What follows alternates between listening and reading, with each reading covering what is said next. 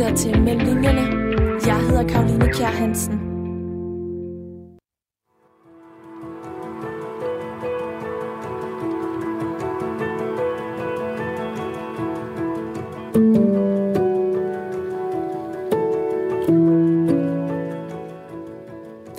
En vævefabrik i Holland og en DNA-test.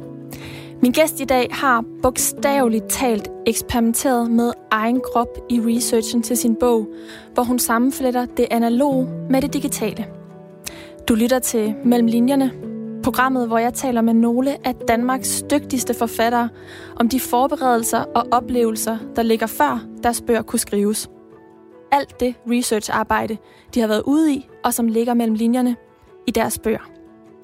Min gæst i dag, synes jeg, er en ret interessant person. Hun er nemlig ikke bare uddannet fra forfatterskolen og debuteret som forfatter i 2010.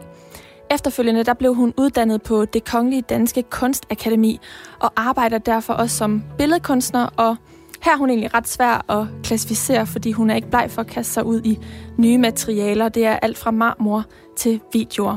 Og det er jo dig, jeg taler om, Amalie Smith. Velkommen til. Tak skal du have. I dag der skal det handle om dit forfatterskab, fordi du er aktuel med bogen Threadripper, som er din 8. bog. Det kan også godt være, at vi kommer til at berøre det her med billedkunstens verden en smule, fordi du har skabt en bog med en hovedperson, som er billedvæver. Ja. Hvordan øh, fik du ideen til at dykke ned i en billedvævers praksis? Altså, det gjorde jeg, fordi at jeg selv blev billedvæver på en måde. øhm, og det skete ved, at jeg blev inviteret til at lave en udsmykning af Ørestad Gymnasium, øh, og de, de digital gymnasium. Øh, og det ville de gerne have illustreret i det her værk, og de bad mig så om at lave et digitalt værk. Øh, og det skulle samtidig være et værk, der kunne hænge der i altså 10, måske 20, måske 100 år, hvem ved. Øh, og det gav mig ligesom nogle problemer, eller hvad skal man sige. Jeg blev, øh, jeg fandt ud af, at det digitale er en relativt flygtig størrelse. Altså, jeg Hvad vil det egentlig sige at lave et digitalt værk? Ja, det er nemlig også spørgsmålet. Altså det første, jeg tænkte på, var selvfølgelig sådan noget som projektor, øh, fremvisninger, noget, der blinkede, noget på internettet, noget øh, et eller andet, noget sådan som vi kender måske den digitale kunst. Øhm, og så gik det op for mig, altså jeg har jo, da jeg gik i gymnasiet, så brugte vi øh, floppy disks til at gemme vores øh, projekter på. Hvad er og det? En floppy disk? En floppy disk, det var noget, man havde før, man havde USB-stik, kan man sige. Sådan Okay. en, en, øh, en flad disk, man puttede ind i sin computer. Øhm, og altså, der sker virkelig meget i den digitale verden. Den udvikler sig virkelig hurtigt. Og det er meget svært at forestille sig, at man kan sætte noget op på et digitalt gymnasium, som så om 10 år ikke vil se dybt forældet ud. Så jeg blev nødt til at gå sådan lidt mere øh, grundlæggende til værks med det digitale og prøve at finde ud af, kunne det digitale have en eller anden slags grundstruktur, en slags substans eller sådan noget, noget på tværs af alle de her forskellige udtryk, som det har i forskellige tider. Så jeg begyndte at søge tilbage i det digitales historie, for at finde ud af, sådan, hvor opstår det egentlig, og kommer tilbage til den første computer, det man kalder for den første computer, det kaldte de den ikke dengang, men det var en maskine, der hed den analytiske maskine, som en øh, matematiker, der hed Charles Babbage, lavede i 1830'erne. Og den øh, tænker man på som den første computer, fordi den var den første, der brugte hulkortet som, som øh, system, som jo de senere computer også gjorde. Og hvad har det med en, en billedvæver at gøre? Ja, det er jo nemlig et meget godt spørgsmål, fordi man kan sige sådan, om er det så den første computer? Opstår den sådan ud af ingenting? Er det bare en, en genial mand, der får en idé i øh, 1830'erne? Øhm, så begyndte jeg at, at undersøge, hvor kommer det her hulkort egentlig fra? Altså, øh, som man bruger i computeren senere. Og det viser sig så, at, at Charles Babbage, han, han øh, nappede det her hulkort fra væven, fra den industrialiserede væv, øh, som var blevet øh, meget, et meget stort fænomen, sådan øh, cirka 30 år tidligere i Europa. Øh, så den industrialiserede væv brugte hulkort, og Charles Babbage brugte så den industrialiserede vævs hulkort. Og grunden til, at den industrialiserede væv kunne bruge hulkort, det er jo, fordi vævningen allerede er en teknologi, der har to tilstande. en tråd kan gå over eller under en anden tråd. Så det vil sige, at den er binær og kan udtrykkes i nuller og 1-taller eller hul og ikke hul.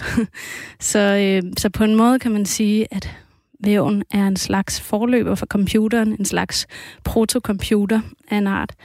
Øhm, og ja. som jeg forstår det her, så er det, så er det ligesom nogle, nogle tråde og nogle hulkort, der er inde i vores computer, som vi ikke kan se. Vi får først øje på dem, hvis vi skiller en computer ad. Ja, i dag bruger man ikke hulkort mere, men man har stadig det binære system, som er grundlæggende for computeren. Øhm, så ja, altså, men langt op i altså 60'erne og 70'erne, der brugte man hulkort stadig.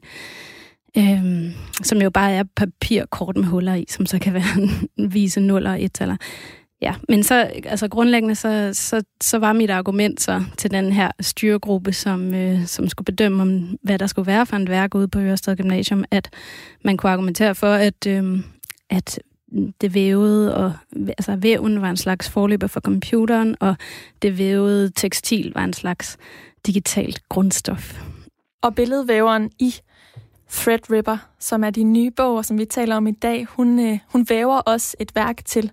Det er så godt nok Digitaliseringsstyrelsen. Ja. Men altså inspirationen er jo så også kommet til dels ud fra, fra din egen oplevelse med at skulle lave et værk, som så blev et værk, ja. som en udsmykning til, til en bygning, og i det her tilfælde Ørestads Gymnasiet. Ja. Og det her, det er, det er det ene spor, fordi din bog, den er lidt speciel. Der, der er to spor, ja. som kører meget, meget praktisk talt sideløbende. På hver side ja. står de.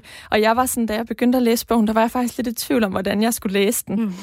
Men det andet spor, øhm, det handler om den her kvinde ved navn Ada Lovelace, som er en virkelig kvinde, har jeg lyst til at mm. sige. Ja. Øhm, og du er allerede lidt inde på, på den her historie med væven og det digitale, hvordan det hænger sammen. Først kan du lige prøve at fortælle, hvem er Ada? Ja, altså Ada er venner med Charles Babbage, eller var venner med Charles Babbage i 1820'erne og 30'erne og 40'erne.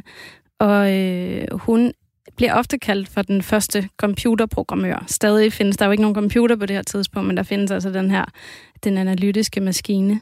Og hun, selvom den maskine faktisk ikke bliver bygget i Charles Babbage eller hendes levetid, så øh, formår hun at forstå maskinens principper, og hun formår at, stå, for, formår at forstå øh, matematikken bag, og hun øh, skriver faktisk en algoritme til den her maskine. Øhm, og hun skriver noter om maskinen, som, som er øh, sådan meget visionær, øh, hvad angår computerteknologi. Hun havde blik for, øh, hvordan computerteknologi kan, kan bruges til sådan mere end bare tal. Det kan bruges til foreslår hun musik, øh, men hun har i princippet også øh, idéer om at lave en slags algoritme for nervesystemet. Øh, hun er øh, grevinde og en del af overklassen, og kommer i de fine cirkler i øh, London på det tid, den tid, hvor Charles Babbage og øh, Charles Darwin og øh, Charles Dickens, det de hedder alle sammen Charles, øh, kommer. øhm, og øh, også på den måde er hun del af det bedre øh, borgerskab, men samtidig er hun en mønsterbryder, fordi det er ikke forventet af kvinder, at de leverer intellektuelt arbejde på det her tidspunkt. Tværtimod. Øh, man har mange teorier om, at øh, de bliver syge af det, og hun har selv til dels nogle af de her teorier. Øh, og hun bliver meget syg, øh, og tror, at det er, fordi hun har anstrengt sin hjerne for meget. Øh, hun dør meget ung. Øh, af kraft i livmoren. Og Så hun har meget kort tid, og hun lever et virkelig øh, intenst liv, og hun leverer de her noter, som er fuldstændig banebrydende øh, i forhold til computerteknologi.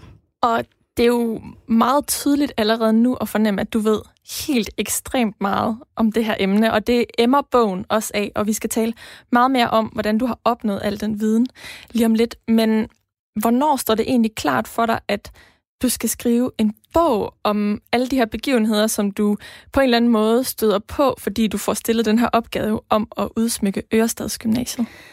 Altså, jeg tror, at øh, der skete det, da jeg skulle aflevere værket til Ørsted Gymnasium, at jeg, skulle, jeg prøvede at lave sådan et øh, titelskilt, eller det skal man, man laver et titelskilt, der kan hænge ved siden af værket, så man kan finde ud af, hvem har lavet det her værk, også om 10 år og 100 år osv. Øh, og det her titelskilt, det øh, synes jeg skulle indeholde nogle af de her fortællinger, som jeg havde researchet mig frem til.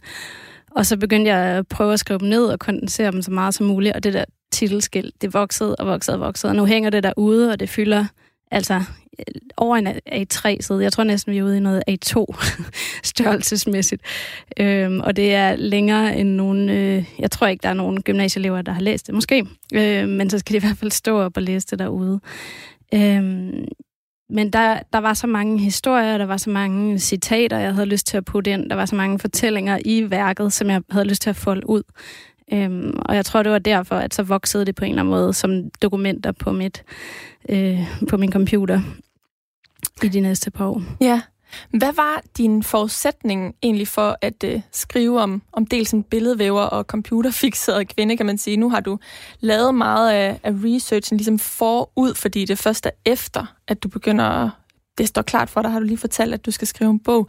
Men, men hvis vi går helt tilbage, hvilke forudsætninger havde du der? Øhm, jamen, jeg havde, det ved jeg faktisk ikke, om man kan sige, at jeg havde nogen forudsætninger. Altså, jeg havde aldrig vævet et billede, før jeg gik i gang med alt det her. Øhm, jeg havde aldrig øh, tænkt særlig meget over vævning eller tekstil eller noget som helst. Øhm, så det var et, et stofområde, som jeg ligesom kastede mig ud i som en slags... Øh, ja, en, en, der er ny i, i feltet i hvert fald. Øhm, og Ada Lovelace kendte jeg til, fordi at hun er legendarisk som den første computerprogrammør, men jeg havde aldrig sådan for alvor interesseret mig for hendes historie. Øhm, så, så jeg, øh, jeg går, går meget, altså, hvad kan man sige, jeg, jeg har lavet bøger og værker om forskellige emner, og jeg er jo selv sagt ikke uddannet i alle de emner, eller ekspert i alle de emner på forhånd, øh, og jeg tror heller ikke, jeg er det efterfølgende, men øh, hvad kan man sige, det billedkunstneriske og, det, og forfatterens arbejde er måske et andet end at blive ekspert i alle emnerne, eller alle nødvendigvis også øh, de håndværk, der, der følger med. Øhm, og det, det tror jeg har mere at gøre med at sådan være interesseret i det som, som bog og som, øh, som, som historie, som struktur, som form og som øh, fortælling og sådan nogle ting. Ja, og, og nu nævnte jeg tidligere, at, at bogen er sådan lidt speciel at læse, og det er næsten et, et kunstværk. Du væver næsten også flere kunstformer sammen. Kan du lige prøve at kort beskrive med dine ord, hvordan, hvordan bogen fremstår for lytterne? Ja, altså det er en grøn bog. På forsiden er der et billede af Ada Lovelace, så står der øh, titel og mit navn. Og så øh, står der hybrid. Øh, og hybrid blev en slags genre, øh, og jeg har det altid meget svært med genre, fordi jeg, jeg tænker ikke på genre, mens jeg skriver. Og når jeg er færdig med at skrive, så er det sjældent, at der er nogle af de genre, der er til rådighed, der passer særlig godt på det, jeg har lavet. Øh, når man åbner bogen, så er der to øh, forskellige typer af tekst. På venstre siden, der er der øh, en type tekst, og på højre siden, der er der en anden type tekst. Og de har, det går faktisk så vidt, at de har to forskellige øh, indholdsfortegnelser, de her to tekster. Og to forskellige skrifttyper. To... Bærst i bogen står der også, hvilke ja. skrifttyper har jeg ja. lagt mærke til. Ja, Hvordan, øh, hvilke overvejelser gjorde du der egentlig om det? Ja, det er faktisk uh, Line Gry Hørup, som er, har uh, sat bogen op, som er, har, har introduceret de to skrifttyper. Men jeg synes, det er rigtig fint. Uh, det er to koreanske skrifttyper. Øhm, og Korea har jo et helt andet øh, skriftsprog, øhm, så det her det er sådan det øh, latinske alfabet, der ligger bagerst i øh, den skriftpakke, og det vil sige, det er et, der ikke er gjort, altså der ikke er finpudset særlig meget, så det er sådan en, nogle lidt øh, akavede skrifttyper, og det kunne jeg egentlig meget godt lide ideen om, at det var sådan øh, noget, der var sådan lidt i randen af en skrifttype. Men det var hendes, øh, hendes okay. bidrag til bogen, kan man sige. Øhm, ja, og så er der to forskellige talsystemer, så venstre side og højre side har også hver deres sidetal. Mm. Øhm, og så når man læser, så, så vil jeg tro, at man først læser venstre side, og så læser man højre side, og så læser man venstre side, som man plejer at gøre med en bog. Men det vil så sige, at man på en eller anden måde væver de her to forskellige tekster sammen. Man, man læser skiftevis noget fra den ene tekst og noget fra den anden tekst, og holder forhåbentlig i hovedet, hvad, hvad, der, har, hvad der er sket i den tekst øhm, for en side siden. Ja. ja. Øh, men man må læse den, som man vil. Man kan også øh, læse alle venstre siderne, og så alle højre siderne. Det tror jeg også, man kan få noget ud af. Jeg læste den, som jeg normalt vil læse. Ja. En bog i hvert fald. Ja. Og, øh, og på den måde, så kan man sige, det kommer også til udtryk sådan helt fysisk i bogen, at der er to spor ja. i den her bog, du har skrevet. Og der er jo så de her to kvinder. Øh, der er jeg-fortælleren, som mm. er billedvæveren, og der er øh, Ada Lovelace. Mm. Og helt konkret, så gjorde du to ting for at kunne leve dig ind i de her kvinder, eller i hvert fald skrive den her fortælling. Du mm tog dels til Holland og du tog en DNA-test. Det er jo to altså, meget forskellige ting, og man kan sige, at du virkelig sådan konkret har eksperimenteret på, på kroppen. Øhm, du tog til Holland for at blive klogere på jeg-fortælleren, øhm, som er den her billedvæver. Ja. Hvorfor gjorde du det? Øhm, jamen, jeg tog til Holland for, for at lave de her øhm, billedvævninger til Ørsted Gymnasium. Det må man sige, det var sådan den primære grund. Øh, så jeg skrev jeg noter imens, og øh, tog mentale noter, eller hvad man skal sige, til, til det, der er blevet til bogen øh, imens. Men sådan, øh, udgangspunktet var, at jeg skulle ned og væve de her øh, billedvævninger til Ørsted Gymnasium. Og de er digitalt vævet, og det kan man ikke... Øh, lige komme til at gøre alle steder. Øh, det kræver nogle meget store maskiner og, øh, og nogle mennesker, der ved noget om at programmere øh, computer og væve, så de snakker sammen. Og, øh, og når du siger digital væv, så er det stadig en væv, men det er maskiner, der står og og væver det sammen, altså gør arbejdet ja. helt konkret. Ja, ja, ja, ja. Og de væver meget hurtigere, end, øh, end, end mennesker kan væve. Altså hvis man skal have lavet gobelænger, som dem Bjørn Nørgaard har lavet, så vil det tage flere øh, årtier nærmest at, at få det vævet. Øh, den her kan, kan spytte det ud på en weekend. Øh, så, så der er noget andet der. Men der er til gengæld noget arbejde i at sådan, øh, selvfølgelig øh, vælge garn og øh, programmere bindingerne og alle de her ting. Og der er et sted, der hedder Tekstillab nede i øh, Holland, som i Tilburg, som jeg øh, fik et ophold, eller fik to ophold på, øh, og hvor jeg var nede og og øh, ja, arbejde tæppet og farveskalaen frem over flere gange øh, sammen med dem. Og lige præcis den by tager jeg fortælleren i Fred, oh, Fred Ripper det også det. til. og det skriver du om, og vil du ikke lige læse kort højt noget, øh, noget derfra? Jo. Jeg tager tre dage til Tilburg for at lave tests af mine forløbige plantemotiver på væveriet. Jeg har aldrig arbejdet så stort et sted før. De computerstyrede chakar i hallen er gigantiske og larmer, så alle instrukser foregår i råb. Lad os skifte den olivengrønne uldtråd ud med en, der er mere blå, og den græsgrønne bomuldstråd med en af silke. Råber jeg til Steff, som hjælper mig både foran sin egen stationære computer og væven. Vi går frem og tilbage mellem computer, væv og garnlager med hastige skridt. Trækker den tunge glasdør ind til kontoret, hvor computeren står, op og i, op og i. Vi holder ikke 10 minutters pause ud over til frokost. Tiden er kostbar. Maskinerne kræver nye filer. Og det var så en tekst, der stod på højre siden. Og nu vil jeg læse en lille smule af en tekst, der står på venstre siden, lige på næste side. Tilburg 13. i anden. De første to dages arbejde på væveriet har gjort mig modløs. De væveprøver, jeg om aftenen har med tilbage på mit Airbnb-værelse, ligner store og billige badehåndklæder. Noget dukkeagtigt over byen. Alle cykler rundt på store, robuste cykler. Jeg kan se et tivoli fra lejlighedens køkkenvindue. Ja. ja, store badehåndklæder. Ja. Billige badehåndklæder. Ja. Hvad lærte du helt konkret i, i Holland? Jamen, jeg tror, jeg lærte noget om, hvordan et digitalt billede oversættes til en væv. Øhm, fordi øh, udover at jeg havde øh, fremlagt det her for styregruppen, at jeg ville øh, lave vævninger som et digitalt værk, så havde jeg også planlagt at inkludere noget af sådan fremtidens teknologi. Det her, det var så den dybe computerhistorie tilbage i væven, og, og jeg vil også have en, en tråd ud i fremtiden, hvis man kan sige det sådan. Og fremtidens teknologi er muligvis, vi har den jo allerede, øh, de her selvlærende algoritmer, som er det, der styrer, hvad vi ser på Facebook, og øh, hvad der kommer op i vores Google-søgninger, og kan lave ansigtsgenkendelse og alle de her ting. Så selvlærende algoritmer, som hedder neurale netværk, og som er sådan nogle, der egentlig er bygget op efter, hvordan den menneskelige hjerne fungerer på sådan et grundniveau. Øhm, og dem vil jeg bruge til at lave motiver til, øh, til vævningerne. Og, øh, og de motiver, de lavede, det var sådan en, en algoritme med nogle planter, øh, plantebilleder, der blev puttet ind, og så, så spyttede den algoritme plantebilleder ud igen, øh, som, som var sådan en slags digitalt dannede planter.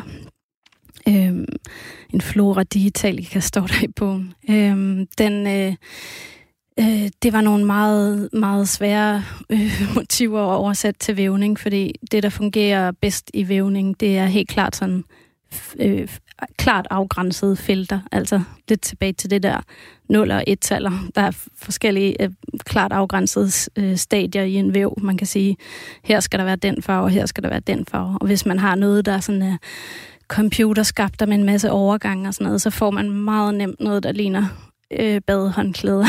og jeg tror, det er, fordi badehåndklæder er, er lavet på den måde, simpelthen. Ja. Øh, med computerskabte billeder, som ser skide godt ud på skærme, men ikke ser så godt ud i virkeligheden. Ja, og jeg kunne godt tænke mig at høre lidt mere om, hvorfor det lige præcis blev Holland. Men først så skal jeg lige forstå, hvad du helt præcis mener, når du siger en algoritme. Ja. At du, du sendte nogle billeder ind, du prøvede ligesom at mixe dem sammen, og så kom der et mm. nyt billede ud af de billeder sammen. Er det rigtigt forstået? Ja, altså en, et, en neural, en neuralt netværk eller en algoritme, selvlærende algoritme, er jo en, der kan lære. Så det vil sige, hvis man giver den noget input, så kan den lære på baggrund af det. Så hvis man fodrer sådan et øh, netværk med en masse billeder af no, nogle af de samme ting, så vil den så kunne spytte den type billeder ud. Altså ikke et konkret billede, som man har fodret den med, men sådan en slags øh, syntese af alle de billeder, man har givet den.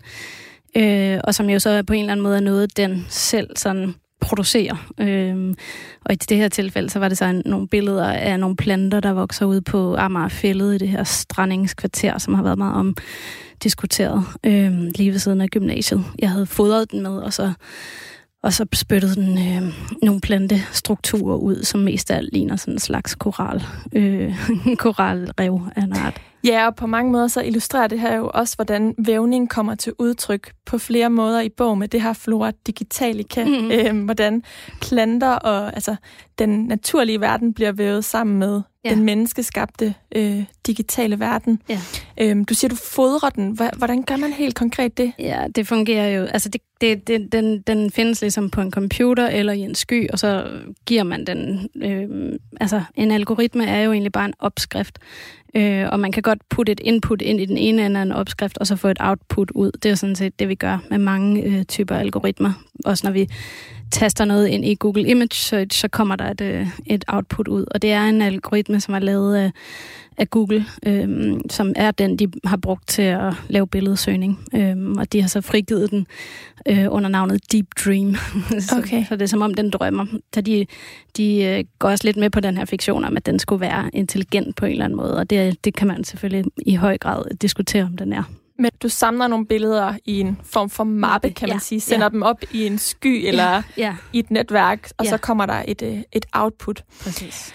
Og Amalie Smith, du tog til Holland for at væve de her billeder til Ørestads Gymnasiet. Det gør hovedpersonen, jeg-fortælleren. Mm. Nu kalder jeg hende hovedpersonen. Jo. Det, det, ja, vil du kalde hende det egentlig? Altså, der er jo på en måde to hovedpersoner. Ja. Hende og Ada. Lige ja. præcis. Men man møder først jeg-fortælleren, ja. der er billedvæver. Ja. I, jeg opfatter hende i hvert fald til del som, som øh, hovedpersonen. Mm. Hvorfor var det egentlig lige Tilburg i Holland, du skulle til for at væve? Altså, hvordan fandt du ud af, at de kan noget særligt dernede? Altså, der findes ikke så mange af de her store digitalvæve i, i øh, Europa. Der findes, eller det vil sige, det gør der, der findes i industrien øh, digitalvæve, men der skal også samtidig være nogen, der har lyst til at arbejde sammen med billedkunstnere og øh, designer og så videre, om at lave nye motiver, og det har man jo ikke nødvendigvis i industrien. Så øh, det, er, det er simpelthen det bedste sted, man kan gå til det i Europa. Øhm, der er også et sted i Norge, men det er måske lidt for dyrt og så videre. Så der var så nogle overvejelser. Mm. Og nu springer vi lige til hele fortællingen om Ada Lovelace, som jo også er en form for hovedperson. Mm. Jeg, jeg hælder mest til at kalde jeg fortæller en hovedperson, mm. men Ada, hun er jo den her, eller det spor, hele fortællingen om Ada er jo meget historisk detaljeret, og det går helt fra vævens tilblivelse til mekanisering og til udvindingen af silke og de første tanker om en computer. Det er altså et langt historisk forløb, som du mm. riser op her. Og øh, jeg har bedt dig lige læse højt, hvordan det egentlig kommer til udtryk, for jeg var sådan ret overvældet over øh, mm. mængden af, af informationer, som du har fået, fået samlet. Ja, det er stykket med Ada. Ja. ja. Da Ada Lovelace møder Charles Babbage i 1833, har han allerede konstrueret sin første regnemaskine, differensmaskinen, men han planlægger en forbedret cyklisk version. Et lokomotiv, der kan lægge sine egne skinner, mens det kører, som han udtrykker det. En maskine, der æder sin egen hale. Ada er 17 år, Charles 41, og de to begynder et usædvanligt venskab. Charles indviger Ada i planerne for det, der skal blive til den analytiske maskine. Over de næste 10 år, mens hun gifter sig med William King, føder tre børn og bliver grevinde af Lovelace, studerer hun analytisk matematik per korrespondence. Det lykkes hende ikke bare at få greb om den analytiske maskines principper, men også dens potentialer. Det gør hende utålmodig efter at få maskinen realiseret. Charles er ret uklar med sine investorer, og for at hjælpe ham med at overbevise verden om opfindelsens vigtighed, går hun i gang med at oversætte et foredrag, han har holdt i Torino, fra fransk til engelsk. Da hun ikke finder det udtømmende, begynder hun på sine egne supplerende noter, en slags oversætterens anmærkninger. Her skriver hun, at der med denne maskine udvikles et helt nyt sprog, som kan bruges til mere end bare matematiske beregninger. At det ikke bare er tal, den kan processere, men i princippet også bogstaver, eller for så vidt musik. Alt det, der kan omdannes til data. Tak. Hvordan kom du på sporet af den her fortælling om, om Ada, og, og, og helt konkret undersøgt den, for det er jo meget... Altså nu, nu har du læst to sider højt. Det er ja. jo over 100 sider, der er, er fyldt med detaljerede informationer, både sådan helt teknisk, nogle af de ting, du lige har sat ord på, men også sådan hele øh, Adas øh, livsverden, kan man godt sige. Ja. Øhm, der er skrevet en del om Ada Lovelace, øhm, både øh, romaner og øh, der er lavet øh, film og så videre. Så, så der, er, der er stoffer at tage fat i og, og, og starte med at se og læse og så videre. Øhm, og så kan man finde hendes breve på nettet. Man kan finde de her øhm, noter på nettet. Øhm, altså, jeg tror, hun foldede sig ud som karakter. Jeg havde faktisk længe lagt hende væk, øh, og ikke tænkt, at det skulle handle så meget om hende. Øh, det er først her inden for det seneste ja, 7-8 måneder, at hun begyndte sådan at vokse igen. Øhm, og det gjorde hun, da hun begyndte at få den her stemme, som, også, øh, som, som kommer til udtryk på et tidspunkt, hvor hun begynder at tale i jeg-fortællerens øh, computer indefra. Og igen er det, har det noget med de her neurale netværk at gøre, at hun, øh, øh, hun dukker op i sådan et neuralt netværk, som i stedet for at være trænet på plantebilleder, så er det trænet på hendes øh, breve i, øh, i bogen her. Og så, øh, så begynder det her neurale netværk sådan at blande sig i fortællingen og, og bryde ind og tale på forskellige tidspunkter, hvilket gør, jeg-fortælleren øh, lidt utryg.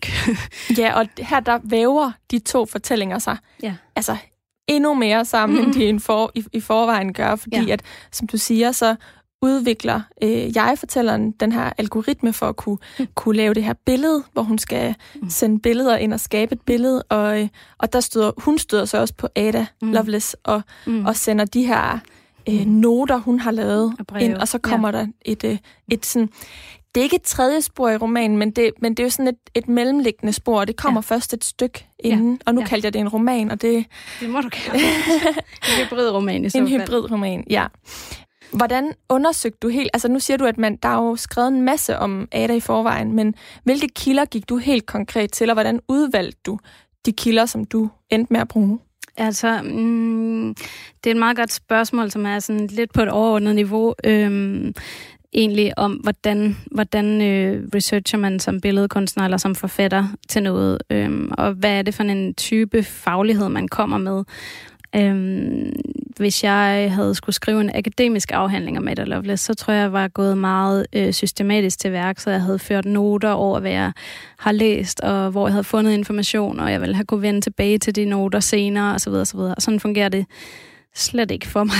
Øhm, det er en, et virvar af forskellige dokumenter, som bygger sig oven på hinanden, og som man, hvor man trækker sætninger ind og tager sætninger ud igen. Og det er så meget et råd, at til sidst, når den endelige bog er der, så er, man, er jeg nødt til at gå alle facts og alle citater og så videre igennem en gang til. Øh, og det er et værhyr. Og hver gang jeg skriver en bog med øh, på faktisk stof, så lover jeg mig selv, at jeg aldrig skal gøre det igen.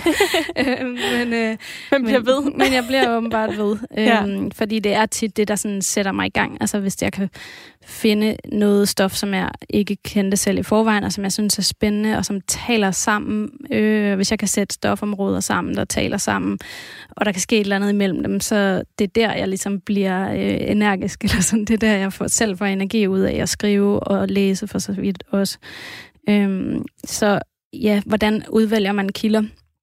Øhm, altså, øh, jeg, har læst, jeg har læst forskellige typer af tekster om Ada Lovelace, og de har været givet forskellige billeder af hende. Hun er en omdiskuteret karakter også. Øh, der er nogen, der mener, at, øh, at hun er overvurderet. Der er nogen, der mener, at hun er undervurderet. Øh, og hun var allerede i sin tid tæt på at være, eller tæt på en mytisk figur. Øhm, hende, hun blev født som datter af øh, Lord Byron, som var en meget skandaløs øh, figur, og øh, hendes øh, mor, øh, Isabella Milbank, har, var matematiker og meget streng og opdraget hende meget strengt. Lord Byron smuttede meget tidligt. Øh, og og hun var fuldstændig altså, kendt fra, fra barns ben, og allerede der en omdiskuteret figur.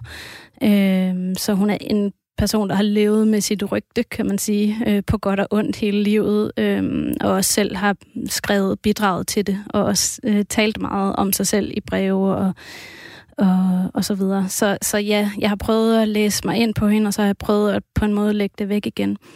Øh, og, og det har du meget gjort på egen hånd, via din computer meget apropos. Ja, computerbøger også. Øhm, mm. Noget med at, altså, ja, Bibliotek.dk har jo fantastisk mange bøger, og, og internettet har også øh, bøger, der kan, der kan blive sendt hjem til en, der, ja. Øh, der kan hjælpe en i den. Og, og, og det er jo altid noget med sådan at læse, og så sådan suge til sig og skrive noter, hvad kan man bruge, hvad kan man ikke bruge, og så på en måde lægge det væk og lade det, lade det brygge af sig selv, øhm, fordi det er jo ikke en, det er ikke en afhandling om Ada Lovelace, det er heller ikke en, en dokumentarisk bog om hende. Øhm, jeg prøver at, og, øh, og basere den på, på fakta og rigtige citater og den slags, øhm, men det er ikke, øhm, altså man kan sige, hvis det var en, en afhandling, så havde jeg måske skulle vægte øh, forskellige sider lige meget, jeg skulle have været færre og lige og så videre, og det er på en måde ikke det, litteratur handler om. Øhm, jeg bruger de dele af The Lovelace, som kan gå i forbindelse med andre øh, elementer i min bog, kan man sige. Og du nævner alligevel, at du lidt frygter, når du kaster dig ud i faktisk stof, hvordan du fremstiller det, om det er korrekt. Opsøgte du nogle eksperter, eller talte du med nogle andre mennesker omkring det faktuelle i, øh, i fortællingen om, om Ada? Nej, altså jeg har gjort det med tidligere projekter, hvor jeg har opsøgt folk, som vidste specifikt noget om det stof, som jeg skrev om. Øhm, det har jeg ikke gjort med Adder i den her omgang. Jeg har haft læsere på bogen, øhm, og jeg har også haft, eller jeg har en korrekturlæser, som er meget grundig på alle mulige måder, som, øh, som også øh, ja, som selvfølgelig ikke ved noget om Ada Lovelace på forhånd, men som, som godt kan se øh, nogle typer af fejl. Så, så altså, jeg har læsere på, og, og de læsere, vil jeg sige, kommer måske i højere grad fra en, en sådan en forfattermæssig øh, mm, faglighed. Altså, de, de er gode til at finde ud af, om noget er god tekst eller ikke er god tekst. Og det tror jeg på en måde er det vigtigste for mig. Altså, øh, om det fungerer tekstligt simpelthen. Men du siger alligevel, at du har tidligere valgt at have folk til at læse den, som har en faglig baggrund. Hvorfor ja. fravalgte du det helt præcist i forhold til den her bog? Øhm, ja, ja så det passer selvfølgelig heller ikke helt. Jeg har snakket med folk undervejs i projektet. Jeg har bare ikke haft dem til at læse bogen sådan igennem som et sidste tjek, eller hvad man kan sige. Øhm, ja, det, det er et meget godt spørgsmål. Altså, den, det, det den gik i tryk i slutningen af øh, juni, så der har været sådan en rimelig intens øh, skriveperiode her til sidst. Øhm, og jeg tror, det, det, var ikke, øh, det var ikke muligt, men det var måske heller ikke nødvendigt. Altså jeg vil sige, jeg har ikke rigtig overvejet det i den her omgang, om det skulle, skulle ske. Jeg tror, det andet var så på en eller anden måde så teknisk, det handlede, den anden bog, den handlede om farven i antik skulpturkunst, og det var så, så teknisk en, øh, en, øh, en disciplin, og der, der var så meget øh, sådan naturvidenskabelig viden på området, og det gav god mening at få det sådan tjekket igennem, om jeg havde forstået det korrekt. Bogen Marble. Bogen Marble fra 2014 nemlig. Øhm, og det her, det er, altså jeg kan støtte mig til citater, jeg kan støtte mig til, hvad jeg kan læse, biografisk stof osv., og, så videre. og så kan man sige, øhm, når, når Ada bliver vækket til live og taler her igennem den her algoritme, øhm, så er det jo ikke, så bevæger vi os jo uden for hvad der forstås som faktisk stof, fordi så former hun jo nye sætninger, og det er jo ikke hende, der har formet de sætninger. De er formet på baggrund af nogle af de breve, jeg har lånt fra de breve, hun har skrevet. Øhm, men de er ikke øhm, nødvendigvis øh, en til en korrekte, og hun kan sige mere andet, end hun har sagt i levende liv. Og det er jo også noget af det, der sådan, man skal finde ud af, hvornår øh, digter man videre på det stof, man, øh, man allerede, altså det stof, der allerede findes. Øhm, fordi hvis det bare handlede om at gengive stof, der, øh, der findes, så, så, øh, ja, så kunne man jo på en måde læse det alle mulige andre steder. Øhm, og på en eller anden måde kunne man måske godt sige, at den her øh, algoritme, som Ada taler igennem, kan, kan se som en slags øh, algori over, eller en, et billede på, øh, hvad det vil sige, at sådan tykke et stof igennem som forfatter, og så sådan spytte nogle sætninger ud, eller spytte nogle historier ud. Øh, det vil ikke være, altså det vil være noget stof, der, eller nogle sætninger, der er informeret af det, man har læst. Man vil have det i baghovedet på en eller anden måde, men det skal jo ikke være det samme, fordi så har man øh, på en måde bare reproduceret, hvad det allerede er. Ja, så det var en måde for dig at bearbejde det på, altså skrive det ind, og på en eller anden måde også gøre opmærksom på, at, at det ikke er, som du siger, en akademisk afhandling om mm. Ada Lovelace.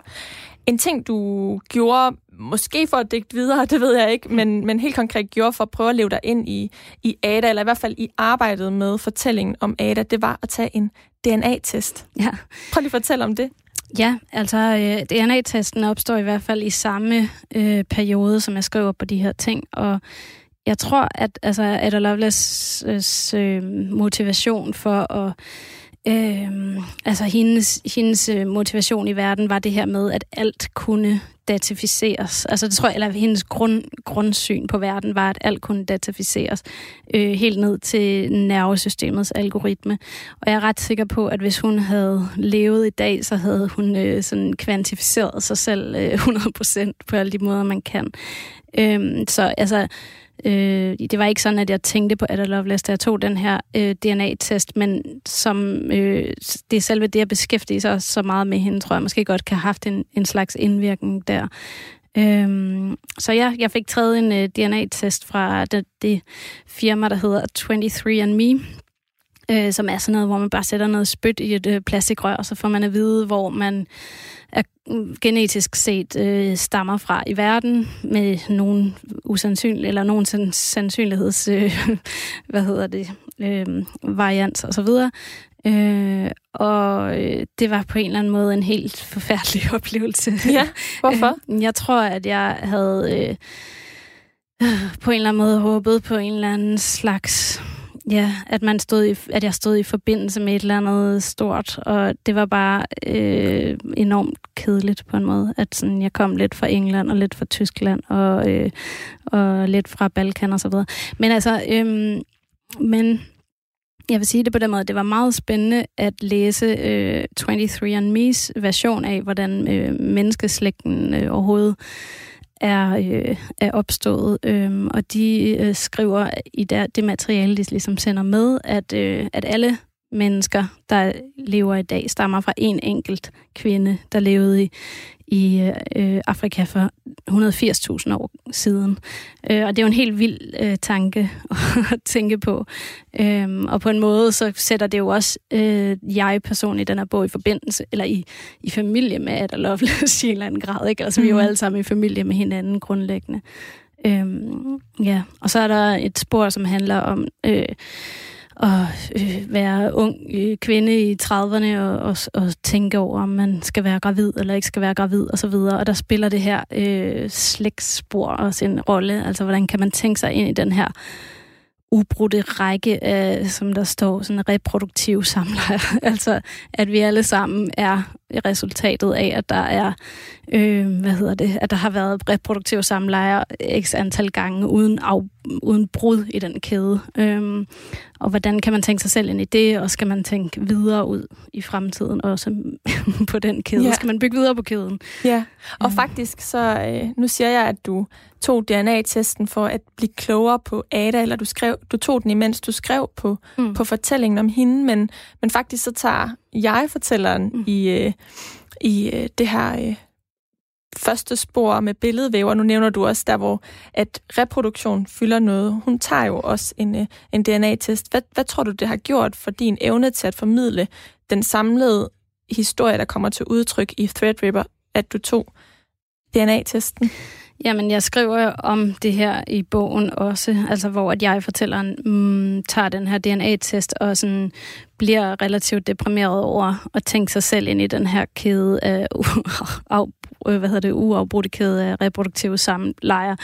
Øhm, og, øh, og, og jeg tror, at den, den stemning, eller altså, man kan sige, venstre siden der er jo notedel, hvorimod højre siden bliver kaldt øh, tekst, altså TXT, sådan lidt computeragtigt.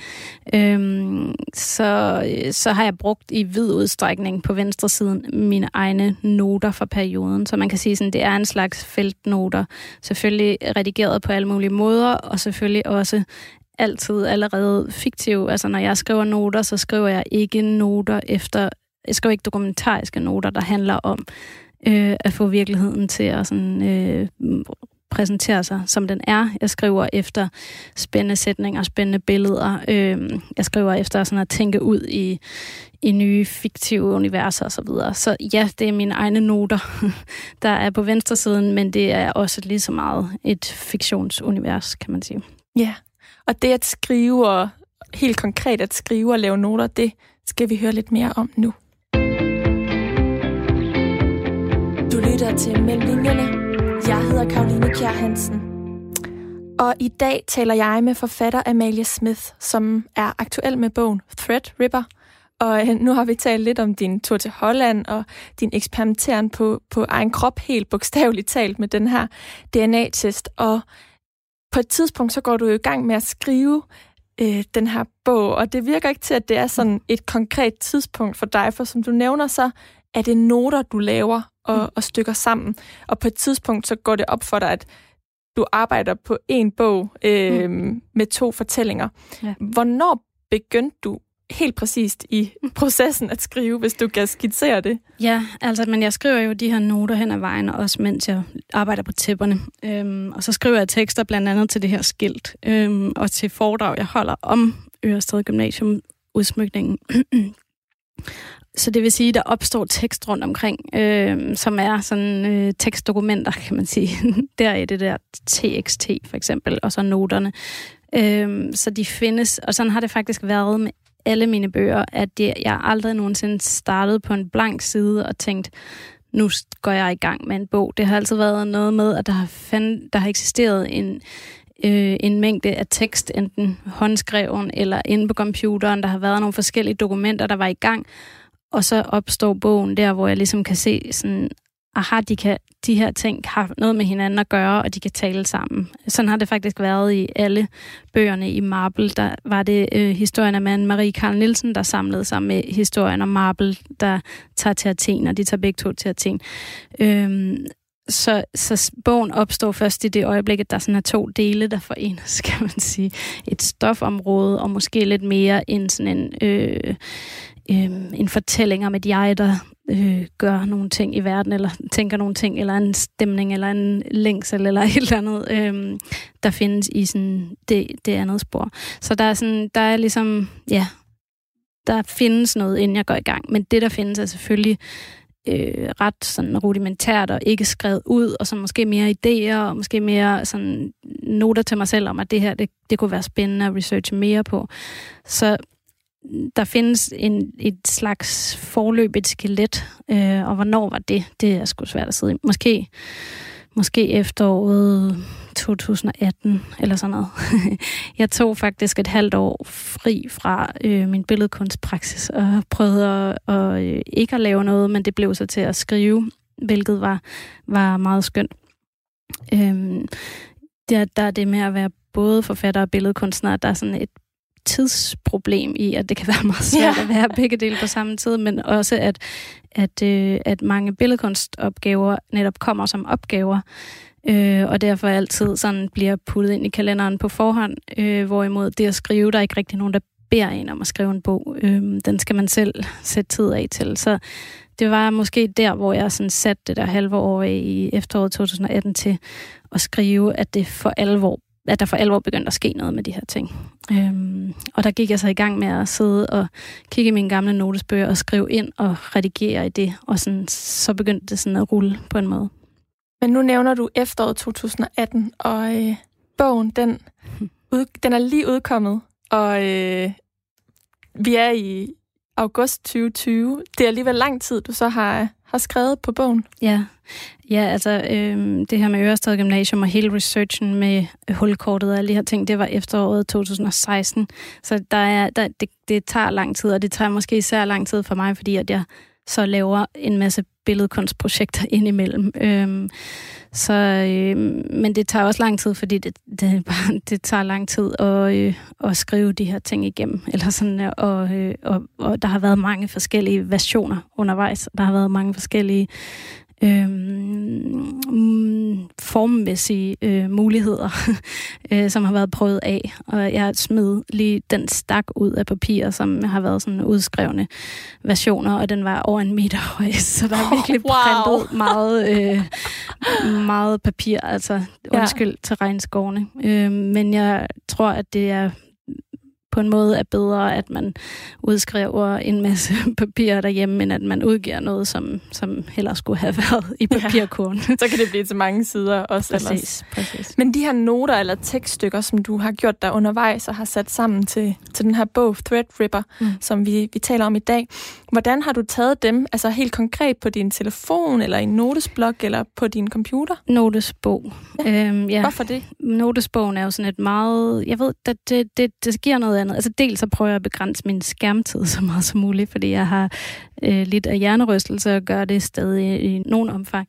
Øhm, og derfor så er det godt, jo mere jeg kan sidde med min, øh, med min notesbog, øh, jo bedre. Så det er jo også noget med, at den ikke er i forbindelse med alt det der, der findes derude på internettet. Altså øh, computeren oplever jeg som et rum, der sådan er ekstremt gennemstrømmet af alle mulige andre tanker, billeder, øh, ja, socialiteter og alt muligt andet, hvor notesbogen sådan øh, har et, øh, i hvert fald et løfte om, og sådan, at man kan trække sig væk fra de ting. Øhm, og det, det tror jeg er sådan den store forskel på de to rum, at man så ofte har sin telefon ved siden af sin notesbog, gør jo selvfølgelig, at det ikke er adskilte sfære, men, øh, men for mig er det ligesom et slags, ja, det er jo et håndskrevet rum, og det er et sted, hvor der kan komme nogle andre ting frem. Øh, så jeg, jeg har aldrig skrevet noter på computer.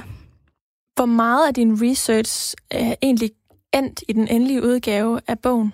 Altså, jeg vil sige, mange af de historier, jeg har researchet på, er endt, der, der er enkelte, der er faldet ud, men, men øh, hver enkelt er blevet sådan skåret ret øh, voldsomt ned, øh, bortset fra historien om Ada Lovelace, som var den eneste, der kunne få lov til at fylde. Øhm, der er masser af historier i bogen, som sådan kun har øh, tre-fire linjer, som sagtens kunne have været en bog i sig selv, eller som kunne have i hvert fald udgjort øh, et helt kapitel, hvis det skulle have været. Øhm. Ja, som er en del af den her historiske optegnelse fra ja. vævens begyndelse, som ja. Ada hun er en del af. Og du vil gerne læse et par stykker øh, højt af dem, så vi lige kan få en fornemmelse af, hvordan ja. øh, du skærer en historie ind til benet. Ja. Øhm. Ja, her fra starten af læser jeg lidt. Fra silkemølles pupper udvindes en ubrudt tråd, der kan væves til slidstærke tekstiler. I mindst 3000 år er silkefremstillingens metode en kinesisk hemmelighed. I 300-tallet bortfører en japansk ekspedition fire kinesiske piger og en håndfuld æg og tvinger pigerne til at lære kunsten fra sig. I 500-tallet lykkedes det for to kristne munke at smule silkeorme æg skjult i bambusrør hjem til den byzantinske kejser, som kan starte sit eget silkemonopol. Først efter middelalderens korstog gøres silkemøllenes metamorfose til en regulær industri i Europa. Maria Sibylla Merian vokser op som datter af en forlægger og steddatter af en blomstermaler i Frankfurt i midten af 1600-tallet. Da hun er 13 år gammel, viger hun alt sin frie tid til at studere insekter. Hun samler møl og sommerfugle ind i Frankfurt og omegn og opdrætter dem i familiens hjem. Hun aftager silkeorme æg fra spænderier i byen og studerer deres udvikling fra æg til laver til kokoner til hvidpelsede silkemøl. Hun giver laverne friske morbærblade at spise. Ja, og så er der en lille smule mere om Maria Sibylla Marian, men ikke meget mere, og vi forlader hende igen, og der er heller ikke mere om de øh, kristne munke, øh, der, der smugler æg, og der er heller ikke mere om de, de kinesiske piger, der bliver bortført. Øh, men der er jo nogle forbindelser imellem de her, som handler om øh, silke og møl og piger, tror jeg, man kan sige, er sådan den tråd, der lige er her øh, og bliver fuldt videre. Og sådan fungerer mange af, af, af fortællingerne som sådan nogle enkelt tråde ind i den her vævning, altså, øh, men som måske forbinder sig med, med den større vævning ved at have nogle figurer, der går igen. Øhm, så i høj grad i researchfasen var det et spørgsmål om at begrænse sig, øh, og ikke lade noget sådan vokse af omfang. Hvis jeg nu havde skrevet fem sider om Maria Sibylla Merian, så ville det have handlede om hende, og så havde hun, var hun blevet en konkurrent til Ada og til Jarret, tror jeg. Øhm, så det var noget med sådan hele tiden at holde, holde informationen så, øh, så, så, så tynd, eller hvad skal man sige, så, lidt, ja. så enkelt som muligt. Øh, måske fordi, at det så i højere grad kan gå i forbindelse med de her andre gange, de samme figurer og vender igen. Øh. Men vidste du så på forhånd, at den her fortælling skulle være en, en lille fortælling i den store fortælling om Ada? Ja, det tror jeg, med de her ting, der vidste jeg det. Øh, men nogle af de andre ting har det måske været lidt sværere at afgøre, eller det har sådan boblet op og ned. Nogle gange vokser interessen for noget, og så sidder man og bruger måske en uge på at, at finde ud af et eller andet specifikt, øh, og finder ud af, sådan, det går ikke, og det fylder for meget. Vi bliver nød, jeg bliver nødt til at skære det ned igen. Øhm, så der er mange øh, cirkler af sådan øh, udkast og øh, genskrivning og genlæsning og så videre. Det handler meget om at, at læse sin egen tekst, altså både være inde i den og så træde ud af den på en måde. Øhm, og det er jo det er lettere sagt end gjort, og der er det virkelig vigtigt at have nogle læsere på. Altså, og det har jeg haft og støttet mig til. Ja, du har fået nogen til at gennemlæse den inden. Ja, ja. Hvad øh. betyder det for dig at have, have dem til at, at læse den igennem? Nu nævnte du, at det var sådan de tekstfaglige... Ja, øhm, jamen det betyder virkelig meget. Altså de, de har læst det på forskellige tidspunkter, og det har set meget forskelligt ud. Øhm, den første læser, tror jeg, havde på i foråret 19, så efter jeg var begyndt at skrive det i efteråret 18. Og den sidste læser var på øh, tre uger inden bogen gik i tryk, og havde også øh, sin indvirkning på bogen, kan man sige. Øh, så der, der er virkelig sket meget imellem de forskellige læsninger, og hver læsning har sådan sendt mig videre, øh, og har lært mig at se bogen, eller læse bogen med nye øjne. Øh, så det har været enormt vigtigt for mig, tror jeg, at at de her bøger, de bliver altid til i en slags samtaler. Altså øhm, øhm, både sådan helt konkret, at man taler sammen om bogen, men også at man har andres blik, andres stemmer øh, i hovedet, som man taler med, mens man skriver. Øhm, og andre forfattere selvfølgelig. Øhm, så så øh, ja, der var... Øh, det, var, det, var, det har været øh, uvurderligt at have læst ja. på. Absolut. Og lige om lidt, så kommer der en masse læsninger, for bogen den er færdig. Ja. Hvordan føles det? Det føles vildt. Altså, det er meget mærkeligt, det der med, at noget, som var redigerbart, øh, fryser fast og er én ting lige pludselig. Øhm, og, og man skal vende sig til, at man selv bliver, altså at man selv bliver læser på den, på sådan en, øh, man kan holde den i hånden, og man kan læse den og så videre. Jeg har ikke vendt mig til det endnu, øh, og jeg glæder mig meget til, at den udkommer, fordi den også på en eller anden måde er i sådan et slags øh, potentielt rum. Øh, jeg skal sige, at den udkommer på fredag. Vi ja. optager den, hvad er det for en dag? To dage før. Ja, ja. den udkommer på og fredag. Og den er udkommet, når lytterne hører det her. Ja, nemlig. Og, øh, og der er et eller andet med, at den sådan først bliver øh, realiseret i det, den dag, den, bliver, den udkommer, og den får en læsning. Og det kan jo gå i alle mulige retninger, og, øh, og kan åbne nye perspektiver, og kan lukke perspektiver, og kan vinkle ting og alt muligt. Det er ude af ens hænder, ja. og det, det er lidt vildt. Øhm. Så du er en meget forventningsfyldt ja, Amalie? spændt. Ja, ja, absolut. Forfatter Amalie Smith, tusind tak, fordi du vil være med i dag. Selv tak. Du har lyttet til Mellem Linjerne, programmet, hvor jeg taler med nogle af Danmarks dygtigste forfattere om de forberedelser og oplevelser, der ligger før deres bøger kunne skrives. Alt det research-arbejde, de har været ude i, og som ligger mellem linjerne i deres bøger. Du kan finde hele programmet her som podcast på radio4.dk, i vores app eller i din foretrukne podcast-app. Og du kan også lytte med igen på næste søndag kl. 16 eller de næste mange søndage, hvor jeg vender tilbage. Hver gang med en ny aktuel forfatter. Brænder du ind med et ønske til en forfatter, hvis research du gerne vil høre mere om, så skriv endelig til mig. Du er også hjertelig velkommen til at skrive, hvis du har ris eller ros. Mailen er mellem linjerne radio4.dk, og det er linjerne med et J. Mit navn er Karoline Kjær Hansen. Om lidt får du et kort nyhedsoverblik, og bagefter er der de nye gamle.